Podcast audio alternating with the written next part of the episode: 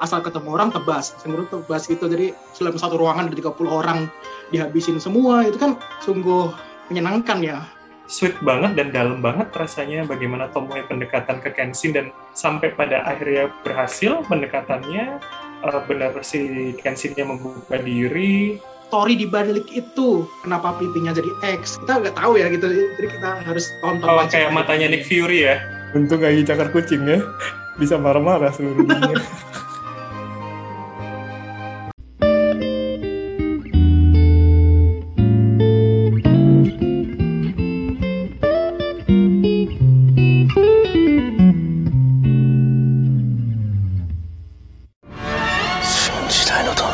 何時？あなた方には死んでもらう。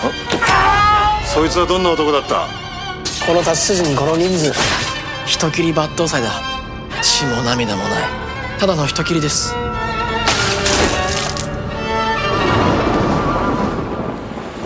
あなたは本当に血の雨を降らすのですね。なお。巴です。雪城巴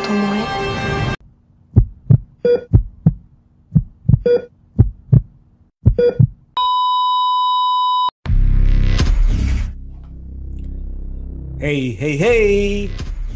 Selamat bergabung kembali di channel BB69.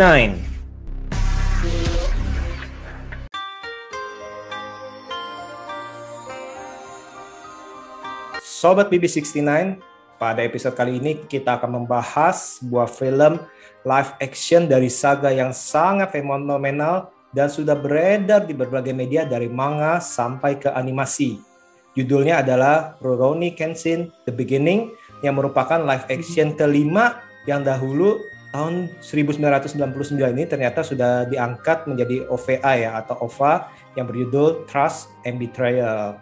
Nah, kali ini sudah bergabung dengan teman kongko BB69 dua orang nih, laki semua nih hari ini ya. nah, yang pertama adalah Mas Bram Herlambang dari Broscast Podcast. Apa kabar Mas Bram? Halo, selamat malam. Kabar baik, Mas. Mas Tiawan, Mas Aska, salam kenal. Sehat ya, semua, sehat ya Mas Bram ya. Sehat, sehat, alhamdulillah. Oke, yang kedua adalah Mas Aska, admin dari YouTube channel Aska Goldi. Apa kabar nih Mas Aska? Ya, halo Mas Tiawan, Mas Bram, salam kenal juga. Sehat ya. ya. Nah, sekarang nih uh, sebelum kita mulai pembahasan lebih lanjut nih, saya mau nanya nih uh, kalian familiar dengan Samurai X gak? Nah, kalau dari Mas Aska dulu deh, familiar? Uh, ya dibilang lumayan aja lah ya, lumayan familiar karena itu tontonan semasa kecil juga waktu masih ada di SCTV waktu itu. Jadi udah semacam Dragon Ball dan kawan-kawan lah itu anime yang teman kita masa kecil gitu. Jadi, Jadi udah keta familiar. ketahuan umurnya ya. Aduh, yang bilang-bilang. nah, kalau Mas Bram ya, sendiri ya, gimana Mas Bram? Lumayan sentimental. Sentimental ya. Nah, kalau saya sih walaupun kayaknya saya lebih muda dan paling muda di sini oh. generasi. tapi tapi benar itu memang ya. tapi itu benar memang uh, kita mungkin generasi 90 2000 itu akan sangat familiar dengan Samurai X kalau di TV dulu mungkin barengannya dengan Inuyasha kalau di Indonesia terus hmm. kemudian di RCTI ada One Piece dulu awal-awal jadi itu cukup cukup familiar tapi memang saya nggak bukan genre pengikut samurai sih jadi memang nggak terlalu hmm. nonton dan baru nonton Kenshin juga karena lagi rame doang dan pemainnya kan itu yang main di Kamen Rider Den-O ya karena saya penggemar tokusatsu. Yeah. Nah, jadi itu membuat membuat apa magnet buat saya untuk melihat itu gitu. Oke oke oke. Jadi uh, kalau dari Mas Aska ini cukup familiar lah. Kalau dari Mas Bram ini justru ini baru menonton dan baru menonton justru yang The Beginning ini ya Mas ya, live actionnya ya. Betul betul. Oke jadi ini ya, kita yang uh, terakhir cukup ini nih cukup istilahnya cukup menyenangkan karena ada dua dua sisi nih kita pembahasannya nih. Oke yang pertama nih saya mau nanya ke Mas Bram nih sebagai orang yang belum misalnya belum pernah mengikuti uh, Samurai X atau belum kenal terhadap Kenshin ya. Nah, ini uh, waktu ingin menontonnya itu ekspektasi dengan apa yang didapat itu gimana nih? Kalau saya bilang sama sih ya, artinya ini tidak kemudian mengecewakan, tapi juga tidak terlalu memuaskan karena uh, sekali lagi ini Netflix juga, uh, ini uh, modelnya prequel atau kemudian original story. Ini ya mirip dengan original story untuk cerita-cerita lain, misalkan seperti Asin kita bahas di minggu lalu. Saya juga pernah mention yang apa first class-nya X-Men dulu. Itu juga sama sebetulnya. Ini seakan-akan cuman memang untuk melengkapi cerita untuk kita tahu siapa kemudian siapa? Tomoe kalau tidak salah namanya hmm. yang kemudian banyak diceritakan dalam beberapa beberapa film sebelumnya. Akhirnya saya review sedikit yang beberapa film sebelumnya. Jadi memang ini hanya pelengkap supaya tidak ada missing link kali ya kayak gitu. Tapi secara hmm. film menurut saya ini cukup ringan banget sebetulnya. Dan awal nonton saya nebak ini arahnya ke mana? Apakah ketika Tomoe saya, saya, saya belum uh, mencoba memang tidak sama sekali mencari tahu dulu film ini saya tidak saya pengen nothing tulus lah ibaratnya ya nonton ini hmm. tanpa tanpa ekspektasi dan tanpa kira-kira gitu. kan kadang suka yang bikin kecewa kan ekspektasi ketinggian gitu hmm, nah tapi saya cukup cukup apa ya me, me, menyenangi lah kemudian alurnya menebak-nebak Tomo ini jahat apa baik terus kemudian ada yang apa pengkhianat yang di atas gunung salju itu ternyata dan ya cukup cukup membuat saya ingin nonton empat lainnya. oke oke, tadi sempat ngomong ringan ya. Itu uh, gimana nih? Boleh jelasin nggak? Ringannya itu karena menurut saya tidak ada konflik yang cukup besar. Maksudnya kalau uh, ternyata setelah saya nonton ada review, ada perang besar di film keempat, film ketiga gitu. Nah ini kan sebetulnya tidak ada terlalu. Ini hanya hanya pondasi fundamental aja gerakan mereka sebagai dianggap rebellion yang ternyata ingin membawa uh, apa ya kepemimpinan era baru katanya kan kayak gitu terus kemudian oh konfliknya ketahuan A sama B. Oh ternyata uh, yang dibunuh si siapa? Akira ya yang perwira polisi yang ternyata tunangannya Tomo itu. Nah itu kan hmm. sebenarnya untuk untuk untuk hanya menanamkan pondasi-pondasi dari bangunan yang mungkin sudah dibangun dari film 1 sampai ke 4 jadi buat saya sih memang ini ringan banget dibandingkan saya kira saya saya membayangkan 1 sampai 4 ini akan lebih fundamental sebetulnya konflik dan penanaman apa ya alur ceritanya kayak gitu mas. Oke oke, jadi ini uh, pendapat dari Mas Bram. Nah dari Mas Aska gimana nih? Mas Aska, uh, saya mau nanya sebelumnya itu uh, waktu itu hmm. udah pernah nonton Trust and Betrayal belum ya? OVA-nya, OVA. Trust and Betrayal, unik nih ya, manganya ya? Uh, itunya apa? Uh, OVA-nya, uh, animasinya. OVA-nya belum. Oh jadi Jujur ini kalau Samurai hmm. X atau Rurouni Kenshin tuh ngikutinnya sampai di fase lawan Shishio yaitu Shishio, sampai Legend oh. Ends di filmnya tapi setelah itu udah kayak lupa lah udah hit and miss aja gitu jadi begitu nonton keempat kelima tuh udah nggak ada ekspektasi apa pun udah ngikutin karena kita udah terlanjur uh, dekat sama si Kenshin ini dari trilogi ya udah keempat lima kita ikutin aja dan ternyata masih relate dan masih enak dinikmati gitu. Jadi kalau gitu the final sama uh, the end ini at the beginning ini itu mm -hmm. uh, Mas Aska ini baru pertama kali uh, melihat ceritanya ya, benar ya? Kalau melihat sebenarnya udah ada bayangan nih kayak misalkan ada si Enishi terus habis itu ternyata hmm. ada kakaknya yang ternyata itu mantan tunangannya itu ada bayangan sedikit-sedikit dan hmm. ada cuplikan manga yang kayak hit and miss juga kan jadi kayak oh pernah ada masa lalu yang kayak gitu terus sebenarnya di versi manganya ternyata lebih dark juga hmm, ada yang hmm, tiba-tiba pura-pura mati gitu kan si Tomoe-nya atau apa gitu jadi setelah ngelihat ya udah kita expect nothing aja udah langsung kita tonton versi live actionnya gitu nah uh, Mas Aska ini pas nonton uh, Rurouni Kenshin The Beginning uh, ekspektasi hmm. dengan yang didapatkan gimana nih? Kalau ekspektasi sebenarnya karena kita nonton dari yang trilogi pertama kita melihat Kenshin ini sosok samurai yang hampir nggak pernah untuk melukai uh, dalam bentuk darah atau membunuh hmm, ya. Betul. Jadi selalu suaranya pun bukan bukan blood spat gitu, jadi kayak dibuk-buk kayak cuman pakai tongkat gitu. Hmm. Jadi begitu kita melihat versi beginningnya dengan experience yang baru, di mana si Rurouni Kenshin ini di angkat lagi lebih ke apa ya batosainya. slasher hmm. lebih ke core gitu karena pembunuhannya lebih kejam. Jadi kita kayak wow ternyata lebih keren lagi ya gitu uh, eksplorasinya gitu. Yang biasanya kita ngelihat Kenshin itu nggak pernah bunuh tiba-tiba dia main bunuh dalam satu ruangan ada 30 orang dihabisin semua itu kan sungguh menyenangkan ya apalagi kan dengan gitu kayak Zoro gitu langsung wow ini ini keren nih ternyata ternyata Kenshin dibuat nggak ada ramahnya nggak ada nyengirnya malah lebih dark hmm. lebih dia lebih sangat kelam dan merasa takut dengan masa lalunya kayak gitu ternyata bisa jadi lebih keren gitu. Hmm, hmm, hmm.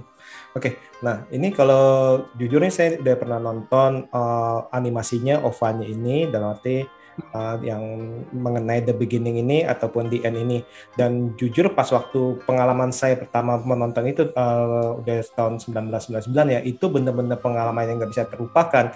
Karena kalau kita ingat nih kalau Mas Aska ingat pas kalau animasinya Samurai X itu Kenshin-nya kan agak-agak on istilahnya gitu ya on on yang istilahnya banyak humornya istilahnya istilahnya iya, iya, tiba-tiba iya. mata ada di, versi konyolnya konyolnya tiba-tiba gitu iya. sama si Kauronya segala macam kan ya abis itu matanya iya. istilahnya terus Benar. orangnya kayak orang orang apa orang-orang kikuk seperti itu ya Nah, iya, iya, iya. ternyata pas dikeluarin OVA-nya ini dengan animasi yang sangat-sangat berbeda, itu nanti kalau boleh tuh saya sarankan itu wajib ditonton tuh.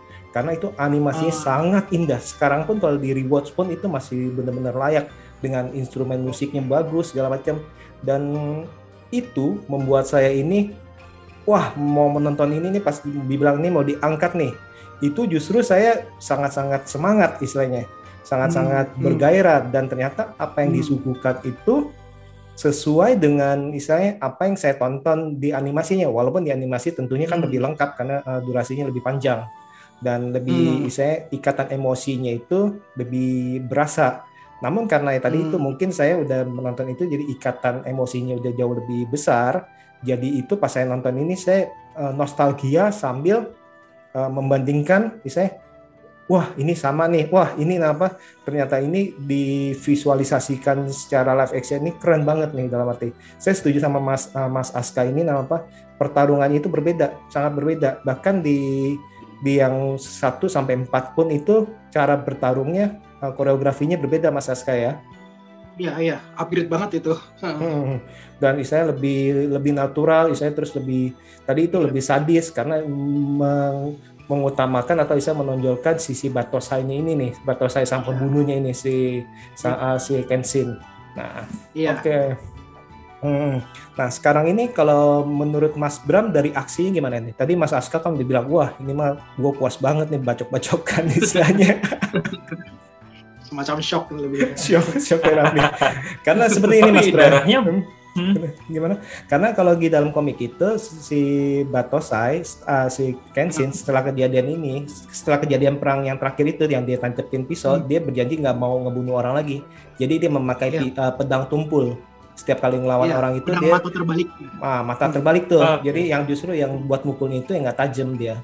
Jadi istilahnya hmm. uh, kenapa itu dibilang itu uh, sebelumnya itu nggak ada darah-darah sama sekali karena dia nggak mau ngebunuh seperti itu. Yeah. Nah, hmm. Hmm. Gimana Mas tadi Mas uh, dari aksinya gimana Mas?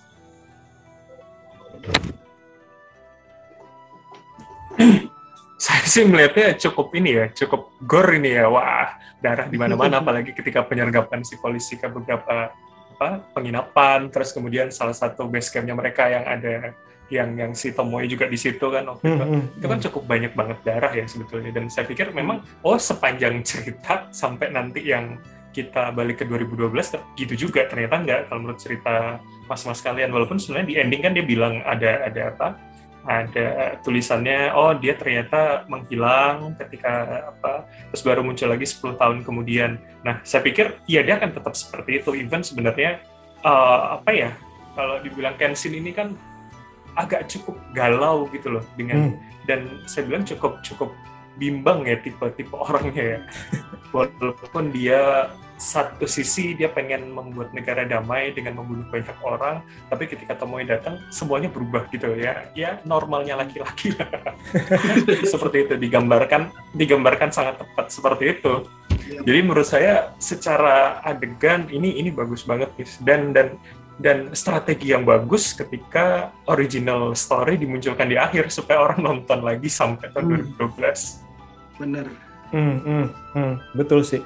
Karena apalagi eh, ini ibarat kata kan kayak Star Wars kan eh, 456 terus habis itu ternyata itu baru 1 2 3 baru kita nge oh ini ternyata gini kenapa si Darth Vader itu jadi istilahnya eh, jadi kelam banget. Nah, ini nih karena nih eh, background si Kenshin itu pun sebenarnya itu cukup kelam nih ya Mas Aska ya kalau lagi ingat itu dari kecil itu dia yatim piatu terus pas dia lagi perjalanan ternyata itu orang-orang yang ikut sama dia itu dibunuhin semua. Nah, itu kenapa dia istilahnya merasa eh, dia ini bisa mengembalikan perdamaian dunia dengan membunuhi orang-orang yang istilahnya yang bikin kacau seperti itu sebenarnya sih. Tapi akhirnya itu sejak ketemu si Tomoe ternyata itu Hmm. dia itu eh, merasa kayaknya eh, untuk men- meng- menemukan peaceful itu nggak perlu ngebunuh juga Hmm. bisa tuh yang terakhir tuh yang di, dia berdua tuh yang malam terakhir itu seperti itu. Yep. Nah, Mas Aska eh, bicara soal eh, Kenshin kan otomatis kan bicara soal cinta nih di film ini juga mengenai eh, cinta pertamanya si Kenshin nih. Gimana nih kalau mengenai eh, kisah cintanya di film ini? Menurut Mas Aska gimana? Kalau kisah cintanya dari origin story-nya uh, trilogi ya, sorry bukan origin, lebih ke trilogi yang kita kenal kisah antara Kenshin Himura dan Kaoru Kamiya itu kan lebih perjuangan Kenshin sebagai seorang pengembara yang pengen berbuat lebih baik gitu kan. Hmm, hmm. Dan itu pun kita pernah di selalu dikasih apa ya masa lalu Kenshin itu sebelumnya adalah pembantai pembantai gitu Hmm, hmm. tapi kita nggak pernah diekspos nih pembantai itu kayak gimana paling cuma cuplikan kan si Akira yang dibunuh itu yang di sungai itu nah kita dari origin ini kita tahu ternyata Tomoe ini juga lebih penting eh, bukan lebih penting ya sama pentingnya sama dengan si Kaoru cuman kita jarang diangkat tentang si eh, Tomoe gitu. Padahal si Tomoe ini juga sangat berperan penting dari mengangkat si Kenshin itu dari gelap ke terang gitu. Dengan caranya udahlah tobat aja lah jangan jadi pembunuh lagi gitu. Dengan cara halus dan kembali lagi nggak expect lagi karena nggak ngikutin sedikit lupa ya. Jadi nggak tahu ada plot twist kalau ternyata si Tomoe ini ini adalah orang yang jadi mata-mata ternyata Hmm. gitu jadi dia pelan-pelan untuk membuat tobat tapi dia ada misi balas dendamnya Padahal sebenarnya dia juga mau bunuh si Kenshin ini gitu dan akhirnya nanti juga berujung balas dendam berurutan lagi ya sampai si Anishi juga pengen balas dendam gitu. Jadi Hmm, hmm, memang kelamnya si Kenshin ini perjalanannya dari gelap ke terang, terang untuk menjadi orang yang lebih baik ya si romance-nya Tomoe antara Tomoe sama Kenshin itu develop dengan baik juga ya. Jadi romance-nya juga ada, dia punya love story yang bahkan lebih intens daripada dengan Kamiya yang masih malu-malu kucing, tapi sama si Tomoe ini mereka udah bisa tinggal bareng, udah bisa dianggap kayak oh kalian seperti suami istri beneran gitu. Kayak gitulah. Jadi kita ngelihatnya ya emang romance walaupun ternyata di endingnya sungguh menyakitkan sekali ya. gitu sih. Nah, Mas Aska, tim Tomoe apa tim Kaoru? Nah, kalau Mas Mas Bram kan masih belum belum tahu nih, jadi saya nembaknya ke Mas Aska nih. Pilih Mas Aska. Karena udah tahun men- menahun untuk nontonnya Kaoru, sebenarnya Kaoru ya. Tapi ternyata si Tomoe ini sangat eh, historical sekali ya dengan Mark X-nya itu ternyata ya gara-gara si si Akira sama Tomoe gitu. Kalau nggak ada Tomoe, ya nggak akan ketemu si Kamiya, Kaoru gitu. Kalau misalkan dia nggak membunuh si Tomoe, ya udah dia akan tetap selalu membunuh gitu. Nggak ada tobat-tobatnya tuh orang gitu. Jadi gimana nih? Jadi Pilih mana nih? Ah, Susah. Tetap Kaoru sih, Tetap Kaoru. Kaoru. Un- untung Lebih ketemu- suka Genshin yang lebih cheerful daripada yang kelam sebenarnya. Oke, Jadi- oke. Kamiya banget lah. Kaoru, Kaoru. Untung baru ketemu ceweknya cuman Tomoe. Kalau ketemu ceweknya udah tinggal, jadi saya kayak ah, samurai XXX. Beda lagi ya Kebanyakan bunuh pasangannya. Iya tuh. XXX. Codenya banyak. Eh, Oke. cuma bunuh lima orang berarti XX1 berarti ya. Lima gitu kepenuhan nanti di tangan. Codetnya. Kebanyakan. Nah kalau dari Mas Bram gimana Mas Bram kalau melihat eh, kisah cinta di film ini gimana? Apakah membekas atau gimana? membekas sih sangat apa ya oh, menyebalkan sih tapi kalau menurut saya saya to the point aja lah menurut saya uh, saya tuh berharap uh, karena saya tidak tahu ceritanya ya saya tidak tahu uh, mulai dari kartun komiknya Nah ini kan saya berharap dia akan jadi dengan Tomoe gitu loh. Saya tidak tahu ada karakter Kaoru sebelum sebelum akhirnya selesai nonton dan saya berpikir masih oh mungkin di si Kenshin akan memaafkan nih ketika ketika si Tomoe sudah di mana ketemu sama si pengkhianat yang ada di bukit itulah segala macam. Saya tidak membayangkan bahwa uh, Tomoe akan menjadi perisai buat musuhnya itu gitu loh karena kan sebetulnya yang di samurai si Tomoe kenapa yang mati musuhnya juga gitu loh. Itu itu itu yang jadi pertanyaan juga. Tapi akhirnya setelah selesai saya kan juga penasaran ya. Akhirnya lihat the final tapi yang ending scene-nya aja yang kemudian uh, si Kenshin dan Kaoru ada di makam yang jadi uh, buat saya ini sih rasanya kayak apa ya mengajarkan keikhlasan, mengajarkan bahwa ya udah show must go on gitu loh. Ada orang yang berperan di hidup kita, ada orang yang harus juga kita pilih untuk menjalani kayak gitu. Jadi mungkin akan akan relate dengan banyak orang, apalagi yang mungkin ya pemuda-pemuda galau gitu mungkin suka lah dengan cerita ini. Aduh, pemuda galau. Nah, ini so soalnya menarik sih dalam arti uh, jujur kalau saya nonton uh, live action ya ini cukup mengena tapi sebenarnya itu kalau mau lebih mengena lagi itu itu nonton uh, animasi itu. Karena di sana itu diceritakan gimana hmm. sehari-hari mereka itu uh, berdagang obat menyamar sebagai pedagang obat. Jadi menghabiskan waktunya lebih lama tuh gimana lebih detail ya mas? Lebih detail. Terus kenapa nih dia kok dia mau nanam nih? Karena waktu itu pas uh, pas masak masak itu ternyata itu nggak ada kimchi atau nggak ada apa jadi mereka harus uh, uh, si Kenshin bilang nggak apa-apa nanti kita tanam aja. Yang akhirnya dia senyum segala macam. Nah itu kalau animasi itu lebih lebih dalam lagi. Tapi ternyata di sini walaupun singkat cukup mengena hmm. sih seperti itu. Ya. kalau kalau saya ada Hmm, hmm. Nah kalau saya disuruh pilih Tomoe apa Kaoru juga susah juga sih. Tapi saya mungkin lebih ke Tomoe sih. Kayak lebih ah. lebih jelek sih istilahnya. Kisahnya gitu lebih iya. jelek. relate nggak Mas Tiawan? Wah. saya tanya aja relate apa enggak gitu doang. Istilah relate-nya apa nih? Saya nggak pernah ngebunuh. saya nggak ada codet. saya, saya tadi mancing doang sih sebetulnya. Jangan nih saya, saya pelihara supaya ngilangin codet ya. Oh iya iya. Bisa aja Mas Bram nih. nah, Mas Aska, kalau dilihat dari film yep. ini ada kekurangan atau kelebihan nggak masing-masing? Hmm, apa ya kekurangan dari beginning ya? Bukan kekurangan sih, tapi ada sesuatu yang berbeda daripada keempat film sebelumnya, hmm. yaitu lebih ke deep, pacingnya si beginning ini lebih lambat, lebih uh, pelan banget gitu. Build up-nya untuk sampai ke akhirnya Tomoe-nya itu nanti berkhianat gitu ya. Itu lumayan lambat perjalanannya mulai dari dia kabur dari kota terus habis itu tinggal berdua.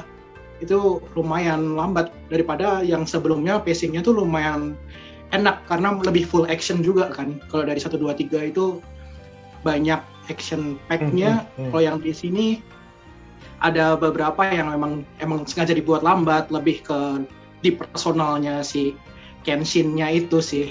Uh, terus ada eksplorasi dari kayak koreografi jelas itu lebih hmm. ya gila lah lebih sinting lah ya. Hmm, hmm, dan juga apalagi waktu pembantaian mereka dia dibuat treatment kayak slow motion terus backsoundnya sinte gitu kan. Jadi kayak ada suara orkestra pelan gitu kesannya kayak wow ini belum ada nih di keempat sebelumnya kan nggak ada yang versi-versi slow motion gitu lebih ke tebas-tebas. Dan yang jalannya ngesot ngesotnya Kenshin itu lah ya. Maksudnya nggak ada kurang. Nih jadi wah, di beginning ini belum ada nih Kenshin belum belajar ngesot nih gitu. Belum ketemu suster ngesot.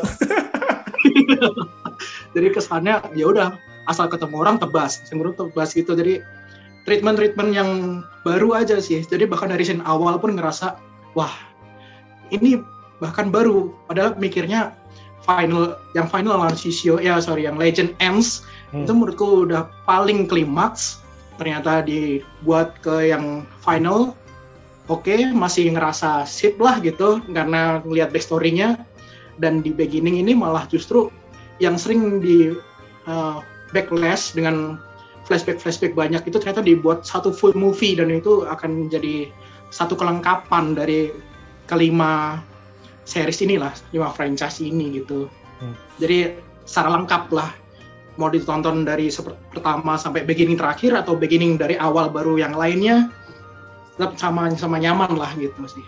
Hmm, hmm, hmm. Gitu. Nah, tadi merasa kurang sih itu lambat aja ya. Lambat. Oh lambat malah merasa kurang. Kalau saya malah merasa kurang lambat lagi karena kurang dieksplor lagi. Tapi kalau gitu jadi mini seri nanti. iya iya. Atau jadi uh, durasi ya, lebih, bertambah. lebih lebih ke fokus kalem aja. Kalau biasanya kan kita lebih ke excited. Oh ini action jadi kita udah menyiapkan badan untuk lebih terpana. Tapi yang ini oke okay, ini love story-nya yang lebih deep. Hmm. Uh, masa lalunya jadi kita ngelihatnya lebih chill aja, kalem aja gitu. Hmm. Nah gitu. tadi sempat ngomong koreografi koreografi lebih suka hmm. yang Kenshin sebelum itu dengan arti yang udah dia uh, ket, uh, hmm. Isaya udah ketemu Kaoru segala macam yang ngesot-ngesot hmm. yang Isaya nebasnya pakai cepet lah isu super super cepet yeah, lah. Isaya apa yeah. yang yang sekarang kalau dari koreografi koreografi lebih suka yang sekarang sih lebih segar karena ya, ya itu karena Kenshin bunuh orang dengan lebih gore itu hal yang baru jadi rasanya wow backsoundnya bukan buk buk buk lagi tapi sering sering sering itu udah uh enak banget dengernya gitu. Ciling ciling ciling cerot gitu ya. Uh, ada darah okay. nyipat-nyipat tuh seger nyuci darah nyuci tangan kayak darah itu wow enak banget itu gitu seger gitu. Aduh aduh saya no comment nih kalau gini nih Oke oke. Nah kalau dari Mas Bram sendiri gimana Mas Bram? Uh, kira-kira ada kelebihan atau kekurangan yang dirasakan? Kalau kekurangan tuh ini mas, benar kata Mas Setiawan tadi, kalau kurang eksplor tuh saya tidak mendapat background si Kenshin di masa kecil, berapa betapa buruknya masa kecilnya seperti yang Mas sebutkan tadi, ternyata akhirnya membuat dia menjadi orang yang sedingin itu dan sekaku itu dan dan seberprinsip itu ya kalau saya bilang mm -hmm. kalau uh, walaupun dia bunuh orang kan tapi untuk tujuannya membentuk era yang baru itu pertama kedua saya cukup sebetulnya cukup terhibur dan bumbu sendiri dengan ada Tomoe di mulai dari kedai arak sampai akhirnya dia pindah ke kota kecil itu ke desa hmm. kecil itu. Nah itu uh, tapi ada juga janggal kan di situ banyak banget scene di mana Tomoe nulis buku harian kan dengan malam hari hmm, Uh, duduk sendiri. Nah itu buat saya cukup janggal dari awal. Apa apa pesan yang mau disampaikan ketika ini diulang-ulang? Berarti kan ada sesuatu yang yang di situ. Terus kemudian dia cuma nyimpen di bawah meja. Seakan-akan kalau orang zaman sekarang kan ya keponya gede lah pasti akan diambil dibuka. Ini kok segampang itu menyembunyikan? Itu terus kemudian saya kenal si karakternya ini kan yang kayak saya sebutin tadi di Kamen Rider TNO hmm, hmm. di situ kan dia orangnya kayak ini ya si siapa Takeru Ryotaro kan nama karakternya ah Takeru Sato itu jadi namanya Ryotaro di Kamen Rider TNO ya nama ya, karakter. Ya betul. Nama karakternya. Nah itu dia tipe yang bego, lambat gitu loh. Nah ketika saya melihat dia jadi Kenshin, itu kayaknya hmm. kayaknya nggak cocok deh. Gue udah tahu dia kayaknya orangnya nggak sekaku ini deh. Jadi kayak dibuat-buat gitu loh. Garangnya itu saya mungkin nggak dapet feelnya karena belum nonton 1 sampai empat. Kalau saya bilang hmm. kekurangannya sih itu, tapi secara cerita uh, Tomoe sangat menolong lah karakter Tomoe lemah lembutnya, can apa cantik ala Jepangnya itu loh, hmm. itu cukup cukup cukup memaniskan semua adegan yang lebih gur ternyata. setuju, setuju. Nah, uh, Mas Aska setuju gak Mas Aska? Di mana uh, Mas Bram bilang Takeru Sato ini istilahnya kayak kok uh, kurang cocok nih memerankan si Batosai. Hmm. Ya, istilahnya. Uh, ya sebenarnya kalau dari nonton yang pertama sejak yang original itu hmm. udah merasa ini kelihatannya masih ada bayang-bayang Kenshin Himura yang kita kenal dalam versi anime gitu. Jadi nggak ada ngerasa mungkin yang hilang adalah versi chibi-nya atau versi yang kocaknya itu yang mata besarnya. Kenshin itu kan yang pasti hilang di live action. Yeah, dan yeah. mungkin kalau itu dimasukkan dengan Kenshin yang lebih banyak uh, tololnya mungkin akan jelek malahan. Jadi udah itu keputusan yang tepat untuk tetap serius ya udahlah gitu. Jadi ngerasa masih nyaman-nyaman aja masih komik accurate beberapa case-nya dan masih nyaman gitu. Hmm, bahkan yang terakhir ini yang beginning pun dia lebih kelam lagi. Kadang-kadang sedikit apa ya terganggu ketika Takeru Sato itu suka mencucu tapi pengen sok psycho gitu pengen apa tapi kayaknya nggak cocok deh gitu kayak terlalu Jatuhnya lucu ya mas. gitu, mulutnya gitu. Aduh udah udah udah jangan jangan gitu biasa aja gitu. Tapi overlookin dibantu sama make upnya yang keren juga ya dari setiap ada Yes, yes. pembunuh atau apa pasti Hmm. rambutnya berantakan itu lebih menaikkan mood dia lebih serius lebih jadi gitu hmm, hmm, hmm. Hmm, nggak kebayang kan kalau misalnya ter- nggak kebayang kalau misalnya Gimana? kalau rambutnya itu dibikin kayak uh, karton Samurai X itu yang megar-megar ah ya itu itu megarnya terlalu gede jadi kayak kepalanya kecil tangannya panjang ini gede gitu kan aneh ya itu komik komik tahun 90-an kayak gitu tuh ya Dragon Ball Iya, lah iya. segala macam iya Eh. antropologinya masih jelek ya. Bisa. Eh, tapi kalau saya pribadi sih eh, entah kenapa saya merasa cocok sih Eh, merasa cocok Iya. dia mem- memerankan eh, karakter Kenshin mungkin kan eh, dari yang pas yang beginning itu yang pertama tuh yang istilahnya yang 2012 itu sampai sekarang ini mungkin eh, ya itu cocok di hati saya mungkin saya nggak nggak ngikutin Kamen Rider jadi saya nggak nggak melihat gimana dia itu tanda kutip on-nya itu ya istilahnya ya benar ya Mas Ilham ya? eh, Nah, jadi istilahnya saya mungkin nempel karena nonton itu mas. Hmm, hmm. Iya, mungkin iya. mungkin aja misalnya ini bisa terjadi kalau Mr. Bean main serius kali ya. Nah itu jadi kan mau seserius apa pun kita ketawa mungkin gitu kan, mungkin Iya. bayangin ini kan. Nah, Nah, Iya. Sekarang nih eh, sebelum kita tutup nih eh, ada adegan yang paling memorable gak nih di film Kenshin The Beginning Wah, dari Mas Bram? Kalau saya ini mas, adegan Tomoe nyelimutin nyelimutin Kenshin. Pertama kan yang waktu di kota besarnya yang akhirnya dia membuka samurai, kedua ternyata ya udah dia kayaknya sudah menerima mereka pegangan tangan dan segala macam. Cukup cukup ini sih apa ya sweet banget dan dalam banget rasanya bagaimana Tomoe pendekatan ke Kenshin dan sampai pada akhirnya uh, berhasil pendekatannya uh, benar si Kenshinnya membuka diri walaupun besoknya mati.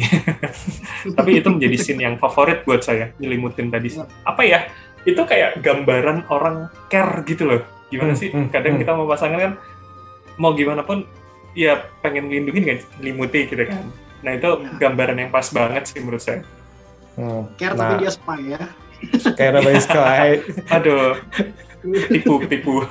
Makanya kalau mau jadi spy itu jangan jangan tinggal lama-lama ya, nanti jatuh hati ya. iya baper dia gitu Oke, jadi itu adegan di mana perubahan dari uh, kita bisa melihat si apa uh, si Tomoe ini itu tetap menyelimuti, tetap care, tapi dan Kenshin itu ada perubahan dari istilahnya dia masih ada istilahnya hawa pembunuhnya uh, masih tidak percaya 100% kan dalam arti kan berarti kan masih refleks sampai akhirnya dia diselimutin pun uh, masih ter- tertidur uh, pulas ya dalam arti seperti itu kan. Iya. Jadi itu kan trustnya udah itu yang disebut trustnya itu trustnya udah tumbuh dan udah misalnya udah ada Nah, kalau Mas Aska gimana Mas Aska?